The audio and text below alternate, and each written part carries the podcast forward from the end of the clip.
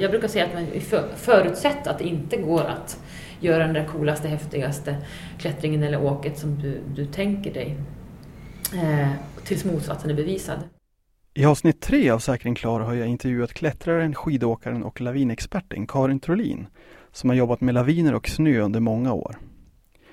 Jag har själv länge känt att laviner och snö är lite av en vit, vit fläck på kartan för mig. För även om jag rör mig ganska mycket i fjäll och lavinterräng under säsongen så är det fortfarande ett område som jag vet ganska lite om. Och det enda med säkerhet jag vet om laviner är att jag vill undvika dem. Så inför den kommande vinterklädsäsongen bokar jag in ett samtal med Karin för att jag själv vill lära mig mer om laviner och för att ni lyssnare också ska lära er mer om snö och hur ni undviker att hamna i laviner i vinter. Och Karin har jobbat under många år som pistör och lavinexpert och är en av de bästa skidåkare jag någonsin sett stå på ett par skidor. Till vardags bor hon i Åre och ser till att när du och jag ska åka skidor i systemet kan göra det, ut, göra det utan att hamna i en lavin. Det blev ett samtal om laviner, utrustning, skäggiga män med lite hår på huvudet, hur lite snö det är i Sverige jämfört med Kanada och hur du håller dig levande i vinter. Okej. Eh, nu har jag börjat spela in. Ja, Men eh, vi tar det från början. Karin, du är morsa, lavinexpert, klättrare, skidåkare. Vad är du mer? ja. forspaddlare då, kanske inte så mycket med det här att göra. Man har kärt barn och många namn. Nej, vet det, är det finns ju en del att ta i. Det är jag. Det beror på vilken ti- årstid du träffar mig kanske. Ja. Vem jag är för folk. Men, eh, men på vintern i alla fall, då jobbar du som lavinexpert. Eller vad är din titel? Ja, de säger ju lavinexpert. Själv tycker jag ju att det låter väldigt kaxigt. Och kommer man ut i världen med den här titeln så, så, så funderar de titta på, titta på mitt CV och säger expert. Eh, I Sverige dock, så, så det, skulle jag vara i Kanada och ha den här utbildningen som jag har, då är jag ju, då är jag ju liksom en i mängden och inte alls experttitlad. Utan det är här i Sverige som man har kommit på det. Att eftersom det är de här utbildningsstegen vi har, som har gått alla steg som finns, alla kurser här i Sverige och Kanada, eh, så måste media ha ett namn på så då har man valt att kalla oss för experter. Men jag tycker själv att det låter bättre med tekniker, om jag får välja. Ja, Okej, så du är lavintekniker, det är ditt jobb? Ja, ja vi säger det. Okej. Men alla titlar med expert, så ja, absolut. Och på vintrarna då bor och jobbar du i Åre på lavin, vad heter det, lavincentret? Åre Lavincenter, ja Just precis, det är mitt jobb på vinter. Eh, där jobbar jag, dels så håller jag kurser, håller Sveriges Swelabs kursutbud deras steg som man kan hålla, både den eh, rekreationella och den professionella linjen. Det finns som två linjer som man kan gå idag. De linjerna. Och räddningskurser och allt vad det är. Eh, sen så jobbar jag väl mest nu eh, med Naturvårdsverkets nationella lavinprognoser som startades eh, 2013-14 vintern. Ehm, det är tredje året vi kör dem nu ehm, och de har de växer. Det finns ju flera delar av svenska fjällkedjan, det är fem olika områden.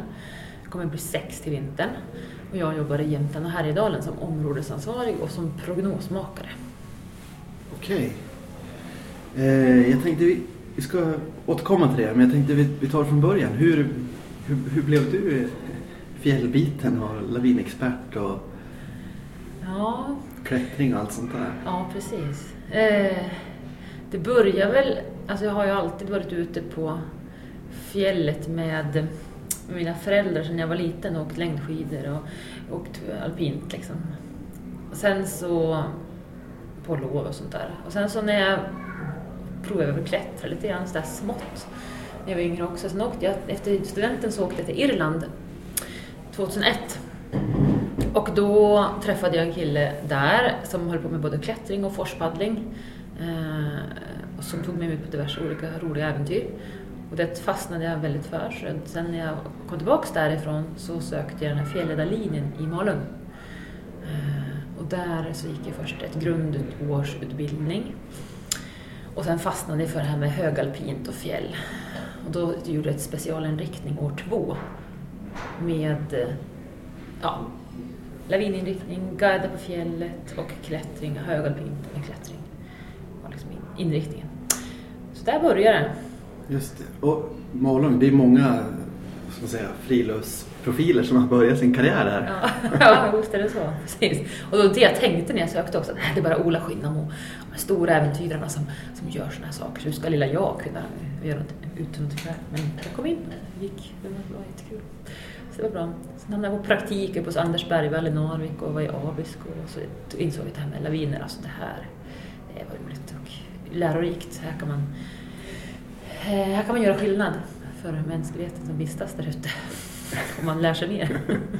Just det. Alltså jobbar du i, vad heter det, skidpatrullen i, vad heter liften där? Nolja. Nolja, så heter det. Ja, precis. Ja, precis. Jag gjorde praktik där och sen har jag gästspelat där också som skidpatrullör under vissa perioder. Sen var ju Kebnekaise också, då var inte du där va? Det var någon som jag... Nej, jag har, aldrig, jag har aldrig varit där. Nej, du har aldrig varit där, just det. ja, men det var också. Sen, så, sen hamnade jag i skidpatrullen i Åre. Jag utbildade mig som skidpatrullör och sen så hamnade jag i skidpatrullen i Åre. Och eh, det var ju roligt att jobba med akutsjukvård och laviner och eh, allt som man gör som säkrar av eh, skyddssystemet. Men eh, det var, jag fick jobba, liksom, det var för, för lite nederbörd dump för att vi allihopa skulle få vara ute och jobba med snön och lavinerna. Så det var bara de här äldre gubbarna med mycket, lite hår och mycket skägg som, som så fick göra det här, inte de här unga nya tjejerna utan vi fick jag så insåg att skulle jag få hålla på med det då skulle jag vänta 10-15 år liksom, innan det var min tur. Så då drog jag mig, sökte jag ett jobb i Kanada faktiskt som skidpatrullör. Och då hade jag gått ganska många lavinutbildningar. Först var det stopp där också, det är svårt att få jobb som skidpatrullör överhuvudtaget i världen tror jag. Men sen så var det någon som hoppade av och så gjorde vi en intervju och så fick jag jobbet. Och, var, vart, vart i Kanada var det? Det var Fernie i British Columbia. Mm. På västkusten. Och det var ju jättegivande alltså, för där hade vi, det var ett gäng som var ungefär lika många som årets skidpatrull. Jag tror vi var 20 per dag och 40 totalt till 30 per, i skidpatrullen och allihopa behövdes ute varje morgon. Där snöar och dumpar ju nästan var och varannan dag. Så då behövdes det ju säkras av hela skidsystemet innan man kunde släppa in folk. Och då behövdes ju alla skidpatrullörer där för att spränga både med sådana här Avalaunchers, kanoner som man skjuter upp mot berget. En hand, handkastad dynamit samt eh, med helikopter som sprängde. Eh, alltså, åker man med helikopter och kastar man? Ja. Smällare? Jajamän. Eller? Ja, inte smällare. Lite större ja. grejer. Mellan 1 och 12 kilo brukar vi använda oss av. Oj. Sprängdeg och ammofon finns en pulver liksom som man använder, som man lägger i stora säckar som man använder sig av. Så beror när man ska spränga hängdrivor eller stora snöfält och sådär så gäller det att känna till vart triggerpunkter och sånt ligger. Så när det snöar mycket så använder vi den metoden att spränga. Eh, och sen så glider man ut liksom på åsar och stora snöfält och skidar av och känner också på snön förstås innan man släpper in turisterna. Där lärde jag ju mig jättemycket verkligen. Eh, otroligt spännande och roliga år. Ja. Eh, vad är liksom de stor, eller vad var det för skillnader mellan skidpatrullen i Åre och i Förne? Ja, det, det stora skillnaden är att man det, det går mycket mer laviner. Det snöar mycket mer. I Kanada? Och man använder, ja, i Kanada, precis. Eh, så att där var vi inriktade, när jag lämnade året jobbade i skidpatrullen både med liftarna Eh, och skulle hinna med snön på morgnarna och säkra och backar och skidsystem, kolla madrasser och nät och sånt där. Och sen så handlar man, använder man dagarna till att åka som vaktmästare och rycka in där det behövs och akutsjukvårdare om någon som förolyckas liksom, behöver hjälp. Så man växlar liksom vilka hattar man har på sig som skidpatrullör under dagarna. Men i Förny, där hade man ju inte tid att även jobba med liftarna, så där fanns det lifttekniker. Det gör det nu i år också. När jag kom tillbaka så hade det bytts lite grann. Um, men vi fokuserar ju fullt ut på snön på morgnarna. Eh, och sen att få ordning på backarna förstås. Så att även när det snöar så välter ju nät och madrasser och sånt när de blir översnöat. Man måste lyfta dem. Liksom. Så stora skillnaden är att det snöar mer och man jobbar mycket mer med snön och lavinerna där. Ja, jag antar att de har också mycket, mycket mer snö än i Åre? Ja, vanliga år så är det ju så. I fjol så hade vi ju jättemycket snö i år också. Eh, och de hade inte, hade inte ett jättebra år i Kanada vad jag förstod. Eh, så då jämnar det ut sig lite grann. Men i vanliga så att säga, år, de, då är det ju väldigt mycket mer snö där borta. Så det finns mer jobb med sådant liksom, varje dag. Och sen eh, gjorde ju också skidpatrullen då en forecast, en prognos för, för skidområdet för dagen och för skid off-pisten utanför varje dag. Det är ju också skillnaden i Sverige och Kanada. Aha, så de tar, tar liksom ansvar även för eh, områden utanför pisten? Eh, ja, utanför pisterna, det som ligger inrepat. Där repar man ju av hela skidområdet. Det här är skidområdet. Aha. Och i den så finns det ju både off-pist och on-pist skidåkning. I Sverige så, så har vi ju också det systemet att man tar hand om allt som man kan glida till från högsta öppna lift tillbaka till en öppen lift eller eh, en backe. Och, men medan Alperna så tar man ju bara ansvar för, för pisten. Det som berör pisten och inte det som är utanför. Sen kunde man ju glida utanför skidområdet även i Färnö. Det tar man, tog de inte ansvar för. Utan det som är, liksom, är deras skidområde och inrepat. Som okay. ansvarar för. Eh, vad jag tänkte på? Men hur länge var du i Kanada? Två år var jag där. Sen tog visumet slut. Sen, sen behövde de börja sponsra mig med visum. Och då, det var jag ju... De lyckades inte få till det där i Fernie. Och då hade jag ju byggt upp ett litet liv där. Så, så jag fick erbjudandet att börja jobba i Golden istället. Som ligger nära i Kicking Horse där. Eh, lite längre västerut. Men, och där kunde de tydligen fixa ett visum så jag kunde få, Eh, sponsra mitt visum. Men det kunde de inte därifrån. Och då hade jag dessutom skaffat en pojkvän här i Sverige och jag tyckte det var jobbigt att byta liv och liksom bygga upp något nytt och bli en nollad liksom, skidpatrullör. Utan jag ville liksom växa och få nya befogenheter. Och, ja, jag kände ju området så bra därför. så det, jag ville helst stanna kvar där eller inget alls. Liksom. Så då blev det så att då åkte jag hem och då hade Mårten startat Åre Center här i Sverige när jag kom tillbaks. Och då kändes det ändå okej, okay, tyckte jag. Då kunde jag jobba som skidpatrullör här. Ehm, och dessutom extra knäcka och jobba extra på lavincentret och hålla lavinkurser och sitta lite, prognostisera lite grann där. Så fick jag båda bitarna ändå. På mm. Alltså Mårten Johansson som har ja. Åre Lavincenter? Precis. Okej. Eh, hann du med, jag tänkte när du var i Kanada, jag antar att det var ganska mycket jobb, liksom intensivt under säsongen. Mm. Hann du med liksom åka skidor själv eller klättra och mm. sådär? Ja men visst, precis. Vi hade ganska intensiva dagar, så när man väl jobbade då hade man mellan 10 och 12 timmars arbetsdagar. Så vi jobbade fyra dagar i veckan om det inte var något speciellt. Då var man ju lite tre. Och då passade jag på att jobba som catski-guide också, eh, som tailguide. Och då, då kan vi tycka, ska du jobba då på dina lediga dagar? Men, men det var ett ganska soft jobb, liksom. man kunde få hänga med där som tailguide och ha koll på gästerna, åka bakom allihop och få åka fräsch pudersnö hela dagen. Liksom, då också. Så det gjorde jag. Och sen reste jag runt. Jag var på, dels var jag på utbyte som skidpatrullör ner till Jackson Hole eh, i två tillfällen.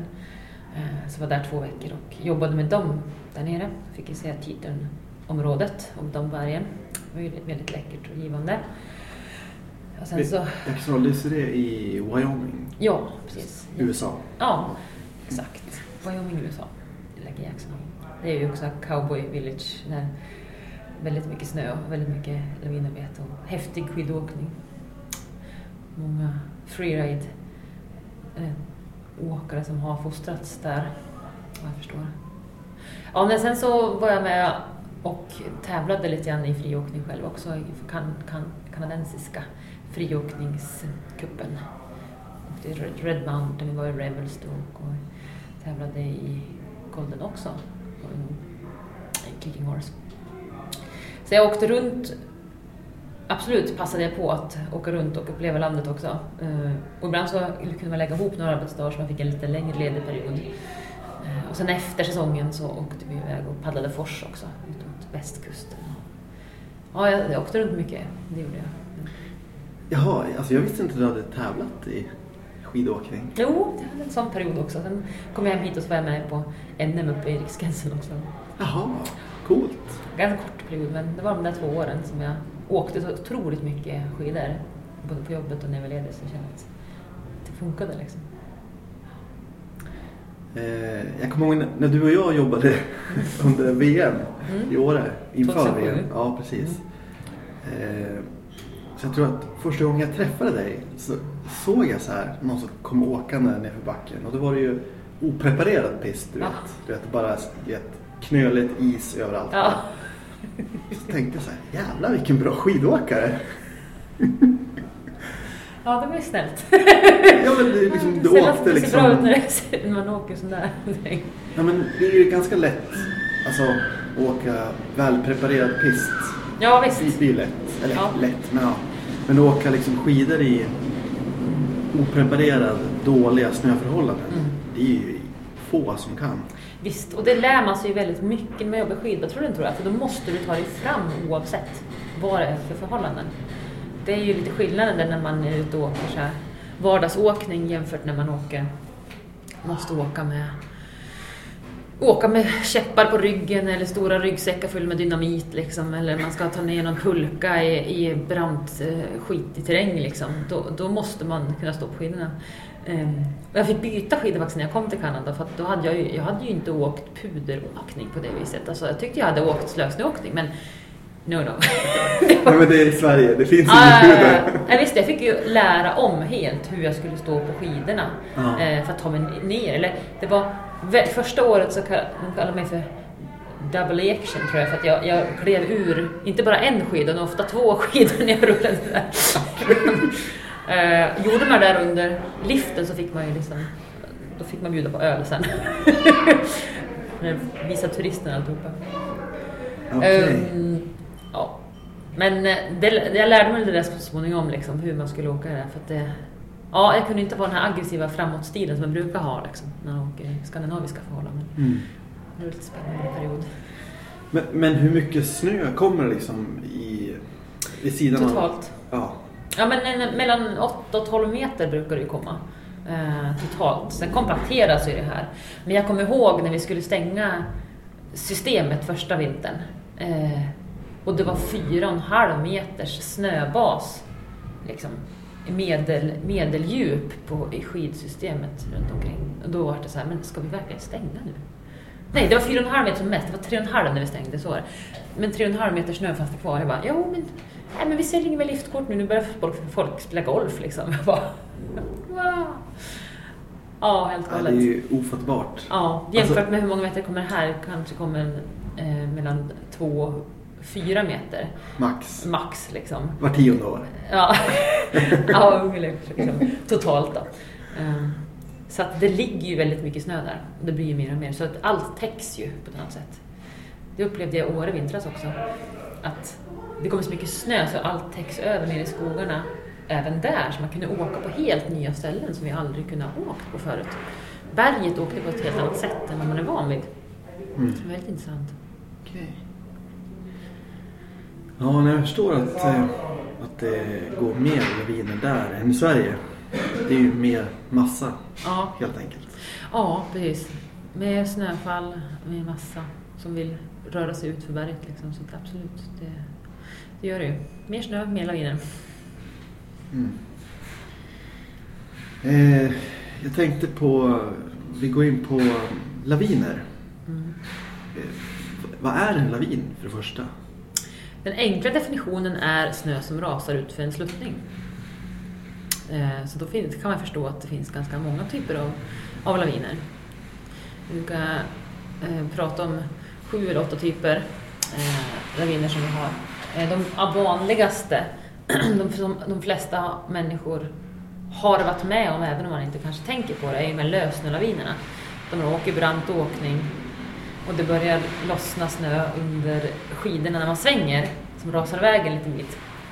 Eh, så man känner liksom att man kanske tappar lite kontrollen sådär. Eh, det kallas för lössnölavin. Och ju större den blir, desto mer lavinmässigt blir den då. Lite släpps där kanske, kanske inte man tänker att det är en lavin. Liksom. Men det är starten på en, en lösnarlavin.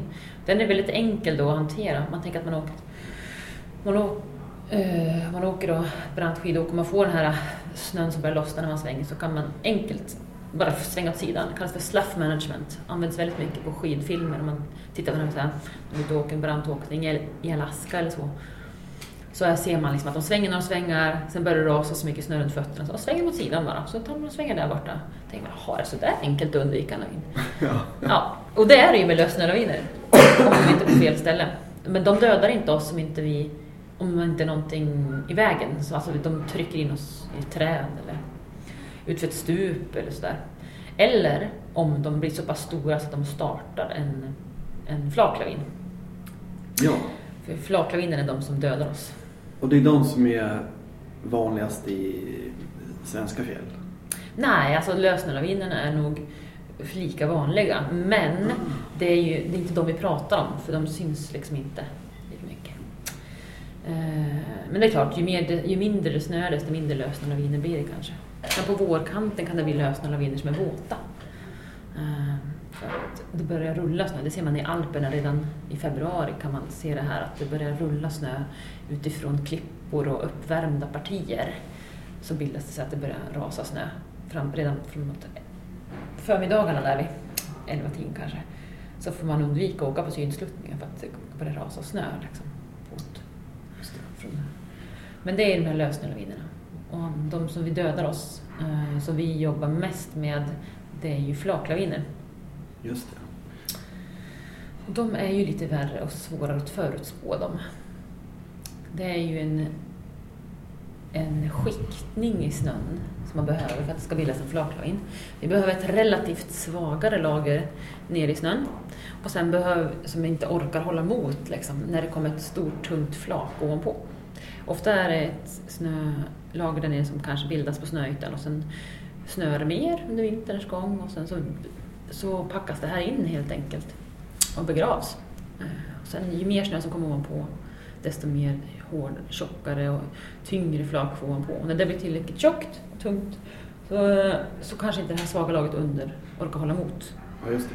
Och det svaga laget, som pratade om det förut. Eh, igår när vi pratade igen, mm. att det kan vara alltså Eh, när det är väldigt kallt till exempel så kan det bli rimfrost? Ja, rimfrost är en variant precis. Okay, det. Och det kollapsar då tyngden från annan snö ovanpå? Ja, precis. Det här ovanliggande flaket och tyngden av snön ovanför. Eh, när det blir tillräckligt mycket massa, tillräckligt mycket energi, eh, så kan det utlösas av sig själv. Eller av en skidåkare. Eller skoteråkare, eller klättrare eller någonting annat som kommer och och trycker till snön så det inte orkar hålla emot längre. Sen behöver vi ha en lutning också. Det här, man kan ju höra de här suckande omfjuden redan på platt mark, men då rör sig ju inte snön någonstans utan det behöver vara en 30-45 grader för att lavinerna ska börja, för att de ska starta. Sen kan de röra sig ner under, under lutning som är mindre än så, men de behöver vara de där graderna 30-45 för att det ska starta. Så att lutningen måste vara alltså, mellan 30 och 45. Där för att kunna starta en lavin? Mm, precis. 35 grader pratar man om. Eh, men hur vet man? Hur brant är det då? Ja, precis. Kan, hur lär man sig det?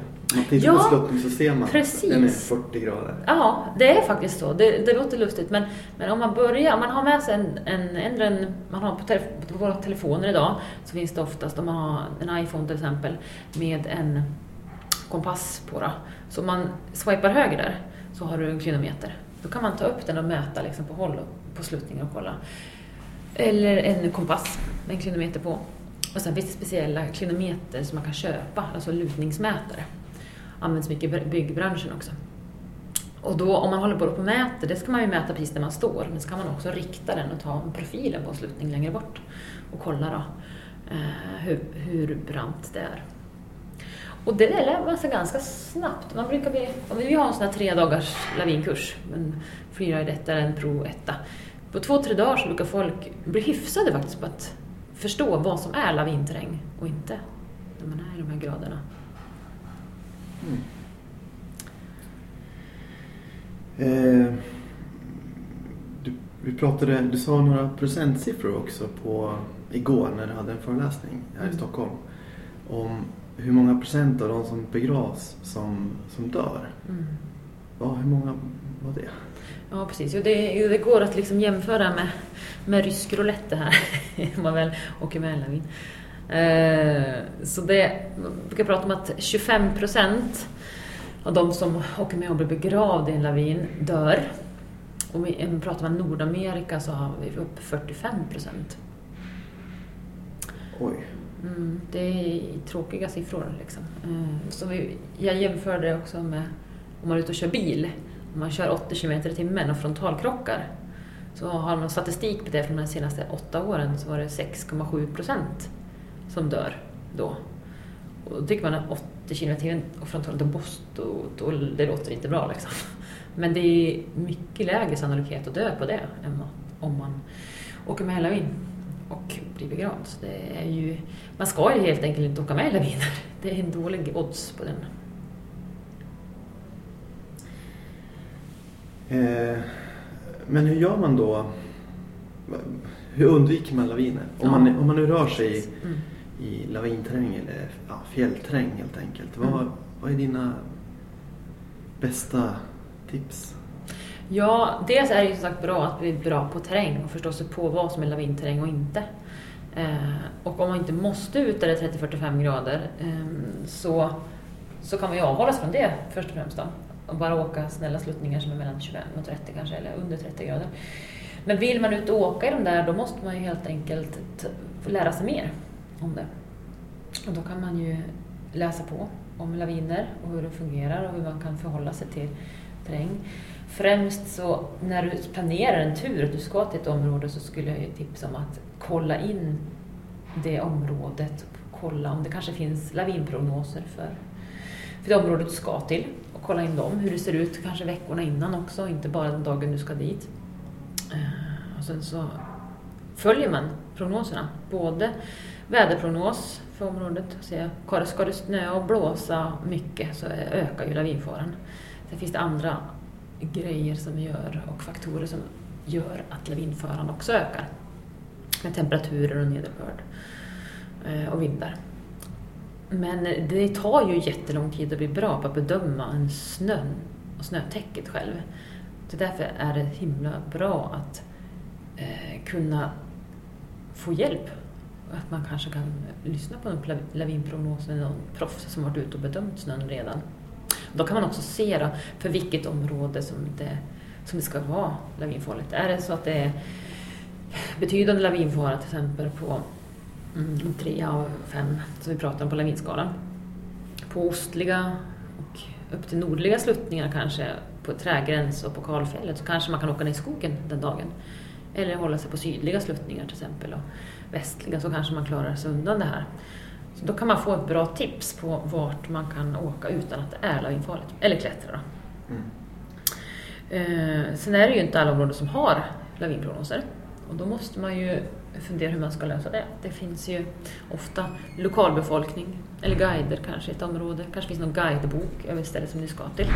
Man kan läsa in sig på var, eh, vart det brukar vara lavinfarligt och om det är känt att det brukar gå laviner i det här området. Och hur har förhållandena varit hittills i vinter kan man också fråga de som bor där eller guidebyrån eller så. Just det. Och eh, lavinskalan där som man, man kan se när man åker skidor så brukar det vara en sån 1 till 5. Vad är, vad är det för något? Precis. I Sverige så har vi jobbat med den här skalan 1-5 och det är internationellt vidsträckt, den här lavinskalan. Men man har lagt till dels Eh, ett ord per siffra för att det ska bli mer förståeligt och, samt rekommendationer och vilken sannolikhet och utbredning det är för att det ska gå laviner vid just den här siffran, då, eller den här färgen som man har. Eh, det är alltså som en skala som är till för att få folk att förstå hur pass lavinfarligt det är idag. Det som är lurigt om man bara kollar på siffrorna och inte bryr sig om texten är att man lätt blir lurad. Man tänker att det är som en betygsskala, 1 till 5 liksom. Ah, men 3 och 5 det är ju inte så, det är inte så illa. Ja, men då, då kör vi. Eh, Medan om man läser texten så ser man att eh, mänskligt utlösta laviner är troliga och spontant utlösta laviner är, är möjliga den dagen. Så det blir en helt annan grej. Då kanske man börjar förstå. Då kan man läsa ännu lite mer text när och se på de här ikonerna i en lavinprognos och förstå liksom vart faran föreligger. Mm. Det är det som har varit problem tidigare när vi bara haft skalan. Att man har sett en siffra och sen kanske man inte har sett av några laviner eller hört någon som har gått och så har du åkt på en helt annan sida av fjället där igen, än där det faktiskt föreligger en risk eller fara. Och då tappar folk tron på det där med siffrorna så tänker man att äh, det är inte så farligt. Okej, just det. Eh, men om man ser ur en, en klättrares perspektiv, för att de, de rör sig ju ja, ganska oundvikligen ibland i lavinterräng och fjällterräng och så vidare. Mm, eh, om man då tar isklättring till exempel. Eh, då är det ju inte så... Det är ganska vanligt att det är... Eh, för att det ska bildas en is så måste det vara som en rännformation. Att det rinner vatten som fryser. Mm. Och i de här rännformationerna lägger sig också snö. Mm. Det är ju en ganska naturlig lavinterräng blir det ju helt enkelt. Mm, precis både ovanför isen och även under isen mm. brukar det ju vara ganska branta sluttningar. Inte alltid men ibland. Mm. Eh, hur ska man då tänka som isklättrare eller klättrare vid sådana mm. tillfällen? Precis. Det finns ju, vi kan dela upp det i tre delar nästan. Dels approachen, när man ska ta sig fram till klättringen. Själva klättringen i sig och sen så utsteget, när man ska ta sig, toppa ur, ta sig därifrån. Eh, I anmarschen, om vi pratar här med laviner så är det ju som sagt vanligast med flaklaviner 30-45 grader. Eh, och det är det ju oftast innan man börjar klättra. Liksom. Eh, under själva klättringen så är det ju oftare brantare än så. Och då har ju snön dränerat sig själv på det området. Och därför så, alltså den har rasat ner? Den har rasat redan innan vi kommer dit. Ah. Och det är därför som isfallet ligger fritt och inte ligger massa snö på. Liksom. Eh, så den har redan rasat ner. Inte alltid, men ofta. Ehm, men i approachen där det är lite mindre brant och innan man börjar, behöver knyta in sig och börja säkra in sig så är det ju oftast lite mindre brant och då kanske man rör sig över stora snöfält. Det är ofta där också som många olyckor sker. Ehm, det man kan tänka på är ju att när man tar sig till det området inte belasta snön alla på en gång utan man kanske sprider ut sig. För det första då, återigen då, kolla lavinprognos i området, eller försöka ta reda på hur stabil eller icke stabil snön är. Förutsätta att den, att den är ostabil om det är vintersnö, tills motsatsen är bevisad, är ju det bästa. Det är kanske inte så att det går att klättra där alla, alla gånger, utan om man inte har sprängmedel med sig i ryggsäcken och kan liksom testa snön innan. Och det är inte så många klättrare vad jag vet, som släpper med sig det i sin överpackade ryggsäck sen tidigare. Liksom. Um, så att, ja, att jag inte, man stannar på säkra platser där man inte är utsatt. Man rör sig en och en över terrängen. Och om, man skulle, om det skulle gå en lavin, fundera på åt vilket håll man ska försöka röra sig. Och det är ju det som är svårt här med klättrare också.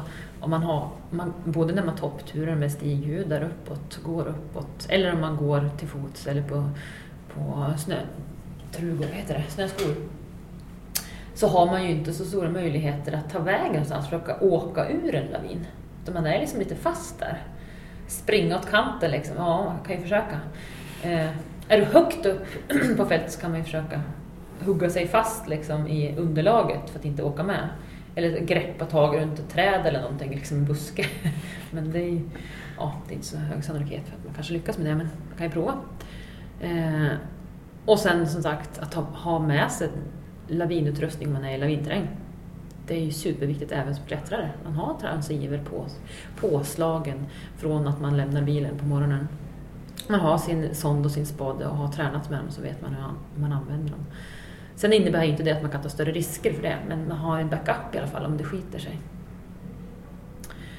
Ja, sen del två under klättringen så, så är man ju som sagt lite utsatt när man, man sitter fast i ett rep på isyxor och stegar liksom och har inte så stor möjlighet att att röra sig åt sidan och ta skydd om det skulle rasa någonting på en uppifrån. Mm.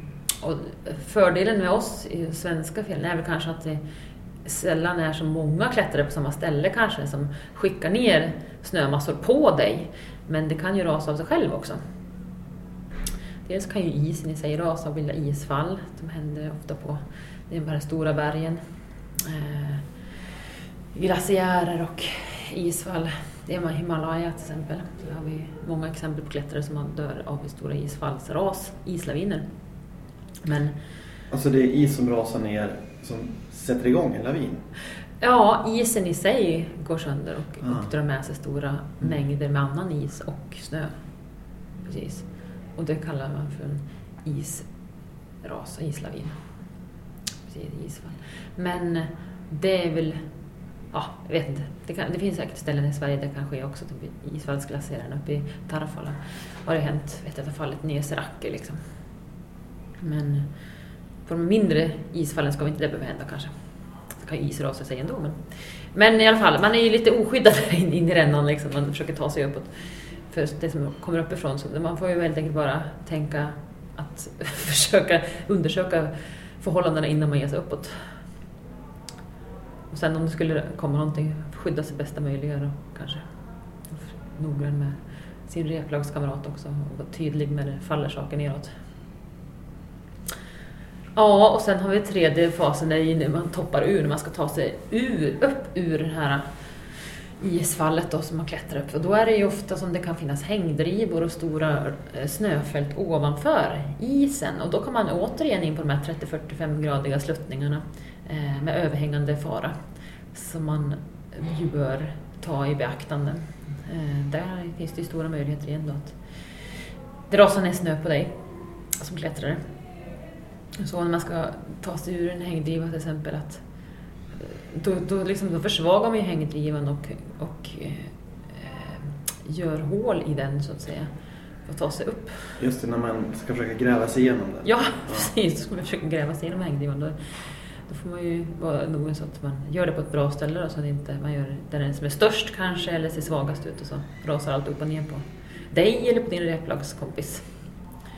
Eh, och även snöfälten runt omkring liksom att försöka tänka på att gå på ett ställe där det, där det ser så säkert ut som möjligt.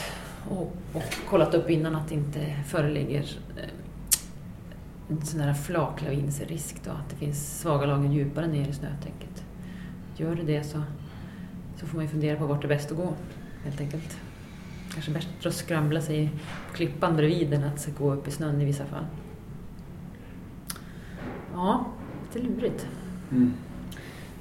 Eh, jag har ju själv varit med om det, alltså att man kommer upp för ett isfall och så är det en snösluttning Mm. ovanför så man måste liksom ta sig förbi på något sätt. Eh, men det kan vara så jävla läskigt. Mm. Och sen också om det är snö så är det inte säkert att man kan lägga några säkringar. Det kan vara så djupt ner till isen eller att man inte har något. Ja, det går liksom inte. Ja, visst. Men- Kanske för lite snö, då, rutten snö för Ja. att lägga någon säkring. Men för mycket snö för att få fast någonting i något is. Liksom. Mm. Eller klippa. Ja. Eh, alltså det enda man kan jag tänker man gör då det är att man faktiskt lägger minst, alltså man lägger en skruv alltså på uttoppningen. Mm. Så man har någonting. Ja visst, verkligen. Man inte faller hela vägen tillbaka.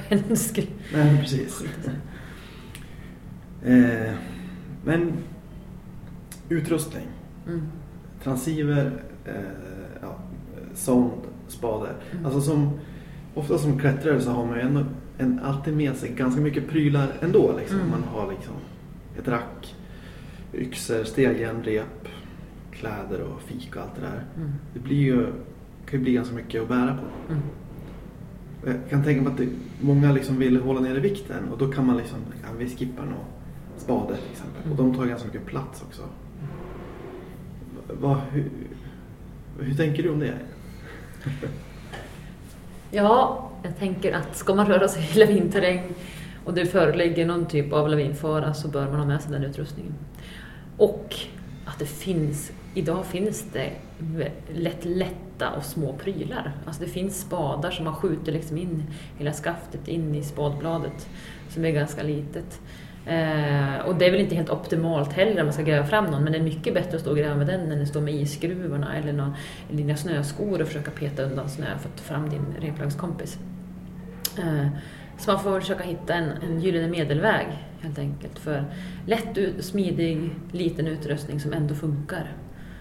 Det tror jag måste till. Liksom. Annars får man helt enkelt bara klättra när det inte är vinterförhållanden och vintersnö eller inte föreligger lavinfara.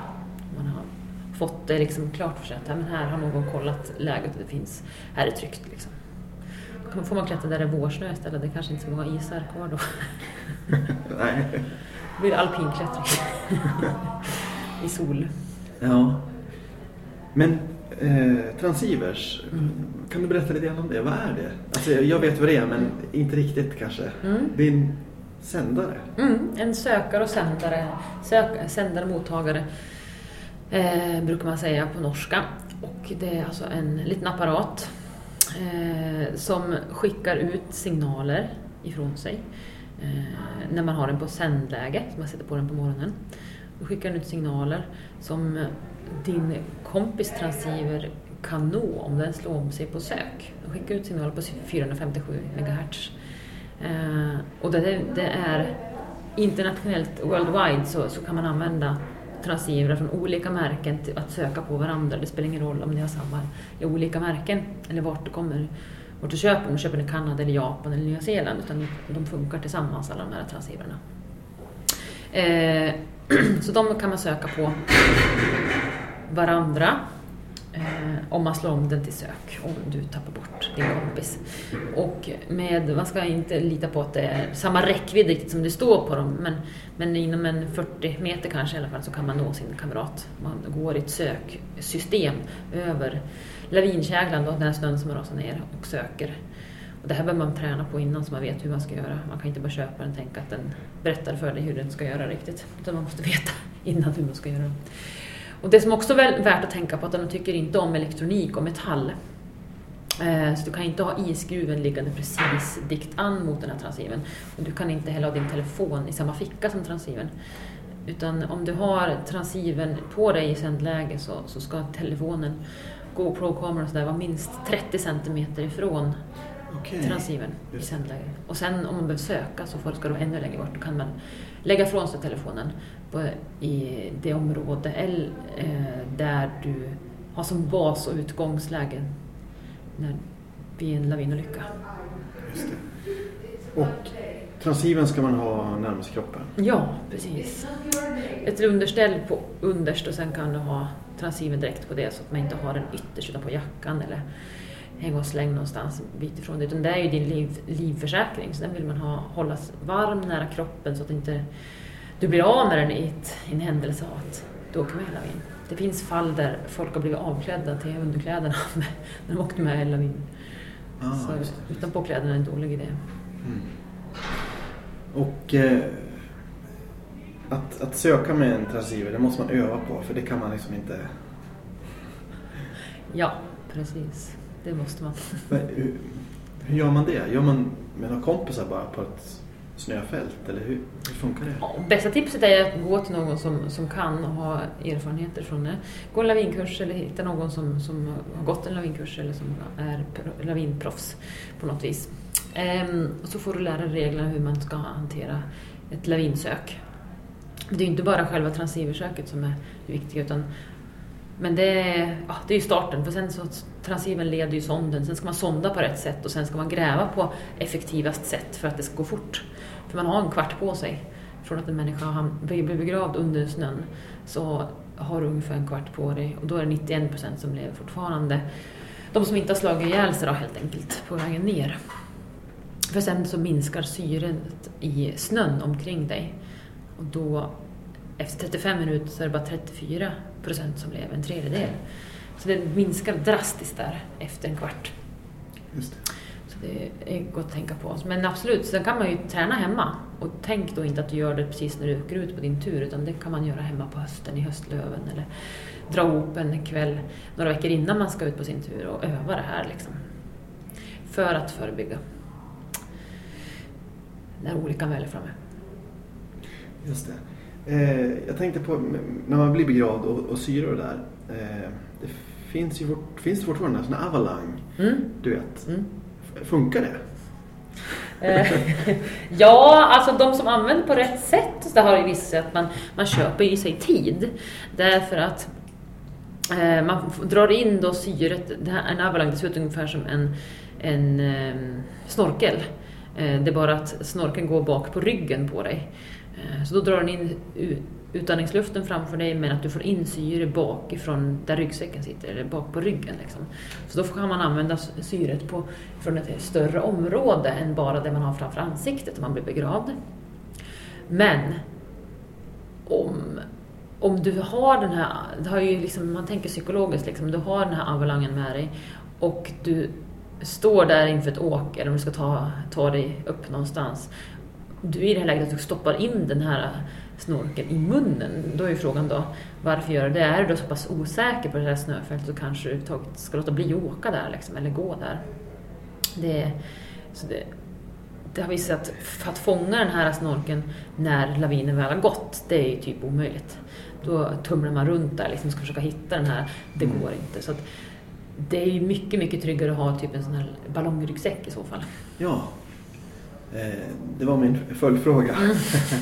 Eh, ballongryggsäckar, det är sån här med en inbyggd ballong och så om det händer något så drar man ett snöre och så blåser den upp runt huvudet. Mm, på vissa, precis. Och det, varför ska man ha en ballong? Ja, eh, den här eh, ballongen, det brukar vara en eller två ballonger, ungefär 150 liter luft är i de här sammanlagt. Så när man drar i det här handtaget och aktiverar den, det gör man alltså om lavinen går, olyckan är framme, så, så har den effekten att du hamnar ovanpå snön istället för att bli begravd. Eh, man sorteras som ett större korn istället för att bli en... Små korn brukar hamna långt ner i lavinerna, lavinkäglan och stora klumpar hamnar högre, högre upp. Men det är som en chipspåse, att de stora chipsen är Mm. högst upp och de Precis. mindre längst ner. När den transporteras till dig och skakats om den här påsen innan den hamnar i din vardagsrum så har de, den som äter chips först får liksom den göttaste stora chipsen. Den- Den som äter på slutet får de här små fnaset ner i botten. Liksom. Och så är det med oss också. Skotrar hamnar på ytan, föraren i botten. Eh, människor med lavinsäckar, ballongsäckar hamnar på ytan. Och små, små människor, säga. Vi andra människor hamnar under. Liksom, under. Så det är sorteringsprincipen helt enkelt, hur det funkar. Men det gäller ju också aktiverat ändå att den inte punkteras. Men den har visat sig att den halverar dödssiffrorna. Oj, ja det är ju bra. Mm, Bra absolut. siffror. Ja, absolut. Det är, eh, det är mycket bättre att ha en sån om, om olyckan framme. Men det är frågan som klättrare då. Om man, då ska man ha en sån ska man packa klätterutrustningen den också. Och, För de, de är lite tyngre, Mm. antar jag. Ja, de är lite tyngre än vanlig ryggsäck. Är de. Eh, sjukt värt om, om man väl olyckan är framme. Men, det, men man kan inte tänka att man tar den istället för ett transversion och spade. Utan det är ett komplement. Okej. Just det. Eh, nu har vi pratat en del om liksom, tekniska eh, möjligheter att undvika laviner. Eh, men jag tänkte på lite mer så här eh, psykologiska sätt. Alltså mjuka värden. Mm. Klassiska gruppdynamiken och man har liksom, om man som klättrare säger ja det är bra väder, det är liksom, imorgon kommer det snö och storma men idag så är det bra väder, nu har vi chansen. Mm. Eh, om man liksom kanske tar lite större risker ibland för Mm. att ja, imorgon kommer det snöa, då det går det som inte, Mm. eller blåsa. Precis. Hur, är- hur funkar det? Ja, det funkar på samma sätt som i andra riskmiljöer har det visat sig. Eh, I laviner jämfört med aktiehandel och piloter och så vidare också. Vi behöver ha... Vi är, vi är liksom av naturen intuitiva varelser eh, som gärna går mycket på magkänsla. Man tror, man har en övertro på sig själv, liksom många människor. Eh, så att för att vi ska överleva laviner så behöver vi ha riktlinjer och, och eh, beslutsstöd för att ta, ta rätt beslut där ute. För att det är så otroligt mycket yttre faktorer som påverkar oss. Så att, att, hela, att göra en analys av sig själv och lära känna sin egen personlighet. Gruppera dig med människor som du vet eh, får dig att fungera på ett tryggare, säkrare och bättre sätt. kan ju vara ett bra utgångsläge redan, redan när du funderar på vilka du ska ut och klättra med. Eh, och sen när man planerar sin tur, redan då också väga in olika alternativ innan man ger sig ut. Så man inte bara har ett alternativ. För då kommer man genomföra det oavsett vad det är för väder eller för förutsättningar. Eh, lavinfaran där ute. Så att man har olika alternativ, bra alternativ som känns fina allihopa. Eh, för det är väldigt många dagar som man absolut inte kan göra de här turerna. Jag brukar säga att man förutsätt att det inte går att göra den där coolaste, häftigaste klättringen eller åket som du, du tänker dig. Eh, tills motsatsen är bevisad. Att man går in med en skepticism. För att när väl dagen är där och du har sparat inför den här resan ett år, du har en vecka på dig, det, det snöar de första sex dagarna så får du en lucka. Så är det väldigt mycket eh, mjukvarufaktorer som du säger som kommer att, kommer att driva oss mot det där målet som vi har haft det här året inför det här. Eh, och då är det svårt att ta, ta rätt beslut när, när allting lutar åt. Då kan det lätt att ignorera uppenbara signaler på vägen. Eh, utan var, var, var öppen liksom och lyssna in signaler redan veckorna innan liksom, och även när du går upp mot den här klättringen. Lyssna in snön, känn efter, liksom, känns det stabilt, har en bra och även absolut magkänsla men, och lyssna in ens kollegor. Och deras, man brukar säga att gruppen är aldrig starkare än det svagaste kortet och det, eh, i det här fallet så kanske det är det säkraste kortet. Eh, någon som har en dålig känsla runt det här. Liksom. Varför mm. kan rädda ditt liv den dagen. Eh, man, är, man, har, man lyft, har en, lyft, en bra eh, luftig diskussion på, runt under vägen. Liksom vettiga män att diskutera med. Som förhoppningsvis också kan lite grann om det ämnet. Ja. ja. Men apropå det då. Eh, hur ser kunskapsnivån ut bland eh, de klättrare som du möter? Och ja, skidåkare också för den delen. Som har kurser alltså. Ja, men det blir bättre och bättre tycker jag. Det blir fler och fler som blir intresserade. Man börjar få upp ögonen för att det här gäller även, även mig. Liksom. Eh, både som klättrare och, och piståkare. Eh, sen så, jag tror att dels lavinprognoserna har, gör ju sitt till. Och sen så lyfts ju på media ganska stort varje vinter om att det är lavinfarligt och inte lavinfarligt. Och folk som stryker med här och där. Ehm, men folk, det är lite grann som när man lär sig åka skidor tror jag. Att man, man tar kanske, eh, man går på någon sån här kvälls eh, föreläsning eller går någon endagars kurs och så tänker man att nej gött, nu har jag gjort det här, nu kan jag det här och så sticker man ut och så övar man på sina kunskaper.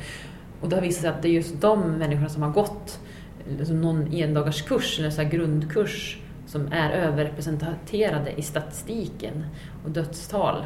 Eh, så man ska liksom vara lite skeptisk när man känner sig som på topp, liksom att fy fasen, nu kan jag det här.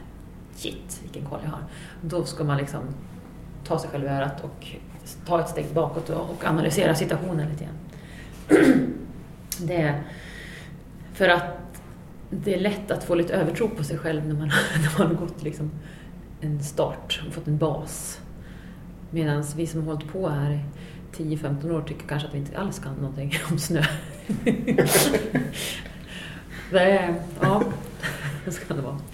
Det, ja, men det är en livslång lärande inom det här med snölaviner helt enkelt. Mm. Nej, men jag, jag, kan förstå lite grann. Jag har ju ändå hållit på att klättra ett tag nu. Mm. Eh, lite olika, alltså, olika former av klättring. Mm. Men jag känner ju fortfarande som en nybörjare typ varannan vecka mm. ibland när jag är ute. Mm. Men det är ju också lite grann som det som är skärmen med det här tycker jag, både som klättrare och som lavinexpert då, att det finns, att man hela tiden lär sig nya saker. Att vistas, om man vistas mycket ute på fjället så får man hela tiden ny input och det är ju det som också gör att det är så roligt att jobba med det här och roligt att vara ute, att utvecklingskurvan är, ja, den är gigantisk man kan, man kan lära sig mer hela tiden. Och det gör en också, blir, tror jag, mer ödmjuk inför fjällen. Man förstår att det är inte alltid som, som regelboken. Liksom. Mm. Eh, visst har Svenska klätterförbundet, visst har de tidigare anordnat eh, lavinkurser för klättrare? Mm, precis, genom eh, lavinkurshållare. Då, precis. Just det. Ja. Kommer det ske nu i vinter igen? Eh, jag ha, kan inte svara rakt på den frågan. Jag vet inte riktigt hur det är. Jag hoppas det. Vi hade ju en i fjol. Mm. Eh, med Andreas Gustafsson som var med och som jobbar ju för oss på Åre Lavincenter. Så hade vi en, för den första sådan lavin klätterkursen. Mm. Det, var, det var bra. Hoppas att det lockar fler till vintern.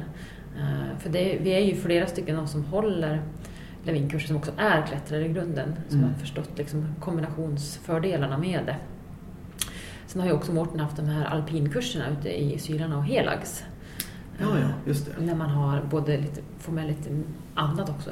Både alpinklättring och glaciär och lite lavin. Så det har varit en kombinationskurs. Vet inte hur den kommer bli i år, men jag tror att åtminstone klätterkursen kommer bli av. Men eh, jag får kolla upp det.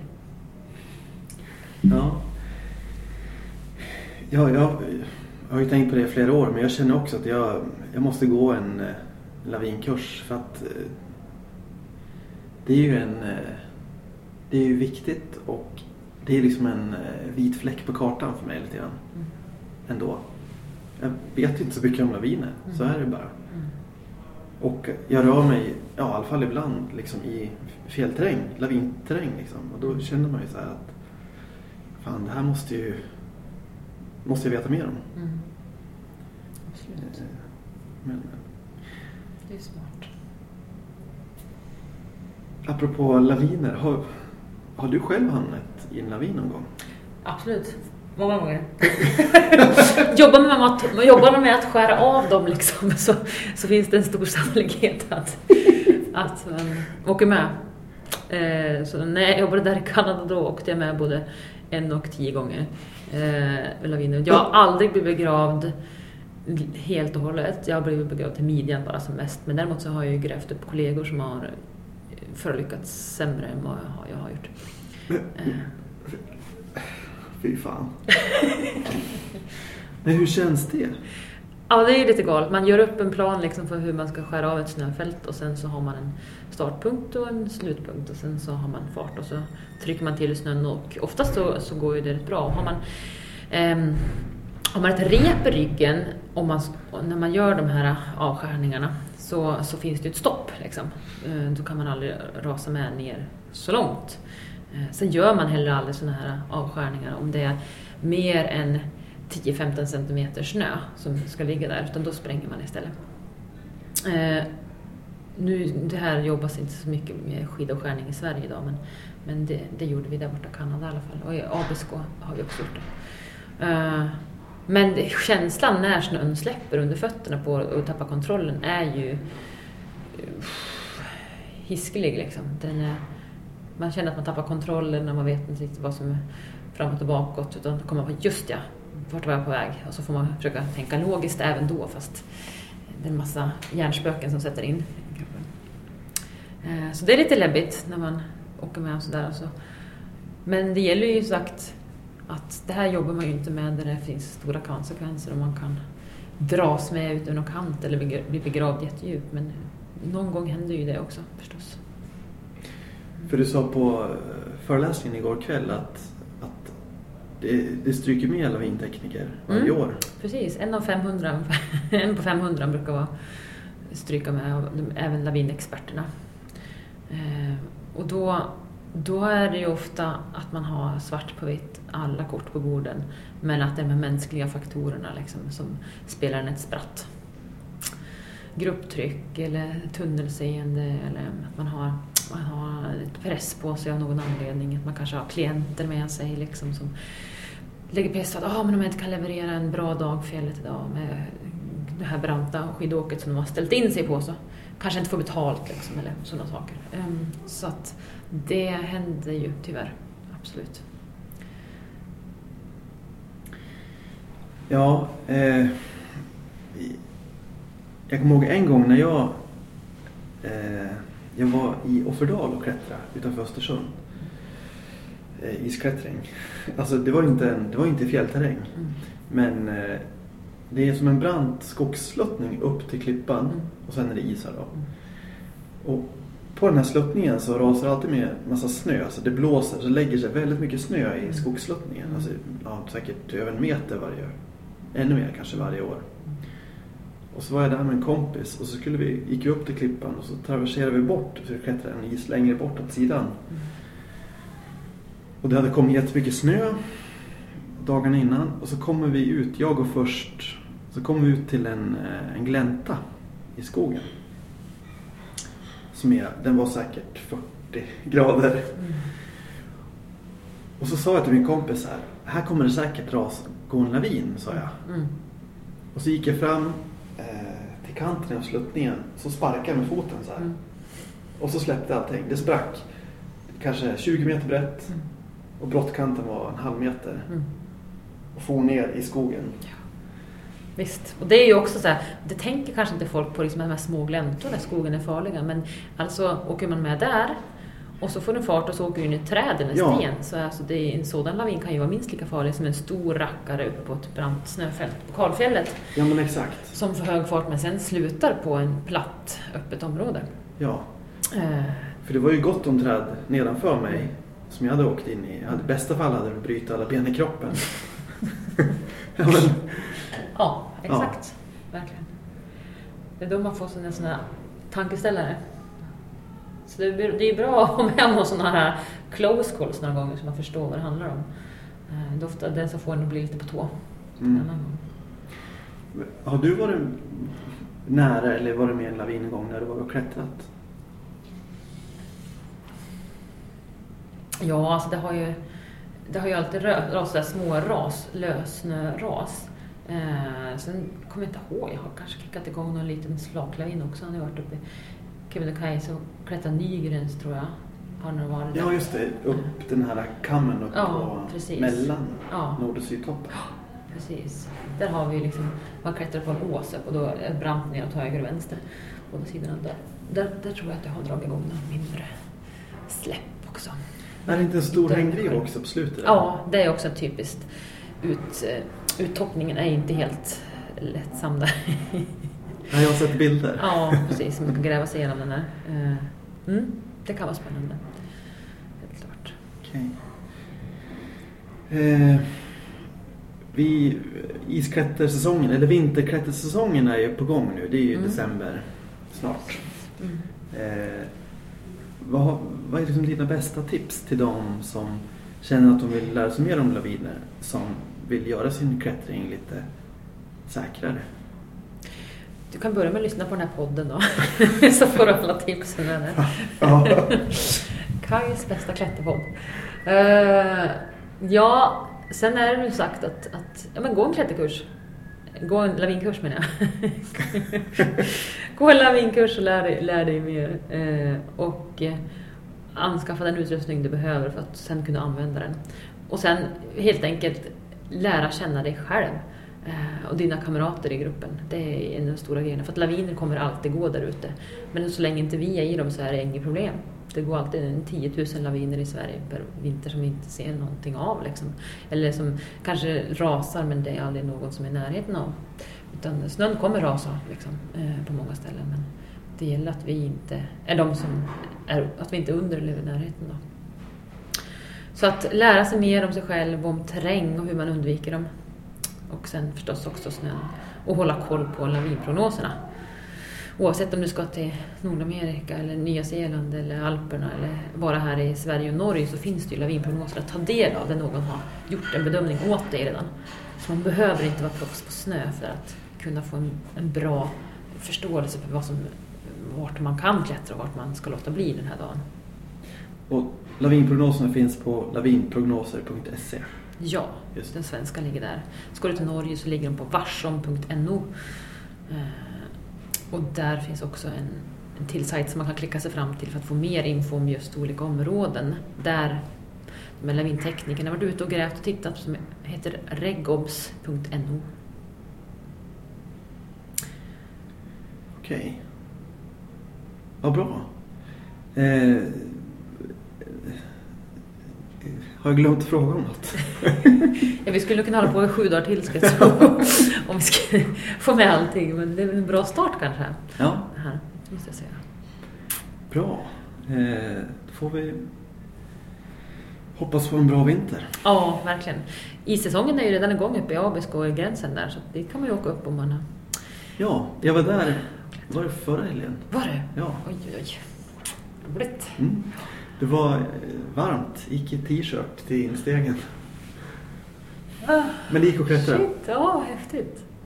Ja, det var ju en varm period då kanske. Mm. Nu är det kallt igen. Nej, men lång, lång snörik vinter blir bra för skidåkarna, annars blir det kanske bra för isklättringen då. Ja, för i fjol så var det väl inte jättebra isklättring, men snöklättring kunde man ju få en del av ja, just det. Det var ju bra i Stockholm var det faktiskt. Mhm, Is, just det, kallt precis. var det. Det kan jag tro. Värre på fjället kanske det var så mycket snö. Ja, allt var översnöat. Ja, precis. Bra. Ja, nej men lycka till och Ja. håll er levande. Ja, absolut. Grymt. Tack för, tack för samtalet. Ja, absolut. En sista sak som jag glömt att säga är att om man har om man råkar ut för någon incident med laviner så får man jättegärna rapportera in det. Det behöver absolut inte vara någon dödsfall eller någon som har blivit helt begravd utan det kan räcka med en incident som om. Det är vi jätteintresserade av på Naturvårdsverket samlar in all den här informationen och då kan man gå på ändra lavinprognoser.se-sidan eh, hitta information eller på svelav.se som är Svenska lavinkursers eh, huvudorganisatör.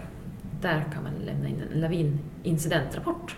Okej. Det är vi jättetacksamma för. För just nu så håller vi på att samla in information runt nära olyckor. Mm. Eh, för att veta mer runt om. För vi vet att det finns ett stort mörkertal runt dessa. Okej. Bra. Okej. Ja, det var väl allt. Ja. Tror jag. eh, bra. Tack för samtalet. Ja, återigen. tack själv. Mm. Ha en trevlig vinter. Det var avsnitt tre av Säkring Klar, samtal med lavinexperten Karin Trolin om vad man ska tänka på inför vinterklättersäsongen och hur du håller dig levande i vinter. Jag vill även tipsa om boken Lavinboken skriven av bergsguiden Mårten Johansson som är grundare till Åre Lavincenter och precis som Karin är en av Sveriges främsta lavinexperter. Det är en mycket bra bok som man kan läsa oavsett om man klättrar eller åker skidor i fjällen och den kan man läsa flera gånger. Det är en jättebra bok. Eh, Mårten är även min fjällmuntor kan man säga, som var så snäll och tog mig under sina vingar när jag var nybörjare för många år sedan. Och med både ord och handling visade han mig vad som var möjligt i fjällen om man bara tar det lite lugnt och om man planerar innan man drar ut på tur. Tack så mycket Mårten. I nästa avsnitt har jag träffat Eva Hellström Boström och Eva Karlsson Lindström som har klättrat, vandrat och åkt skidor tillsammans sedan 1965. Och det blev ett intressant samtal om hur det känns att träffas av blixten, bivakera och konsten att lyfta till Alperna. Och vi får även höra historien bakom SKAK, Svenska kvinnors alpina klubb. Vi hörs, ha det fint!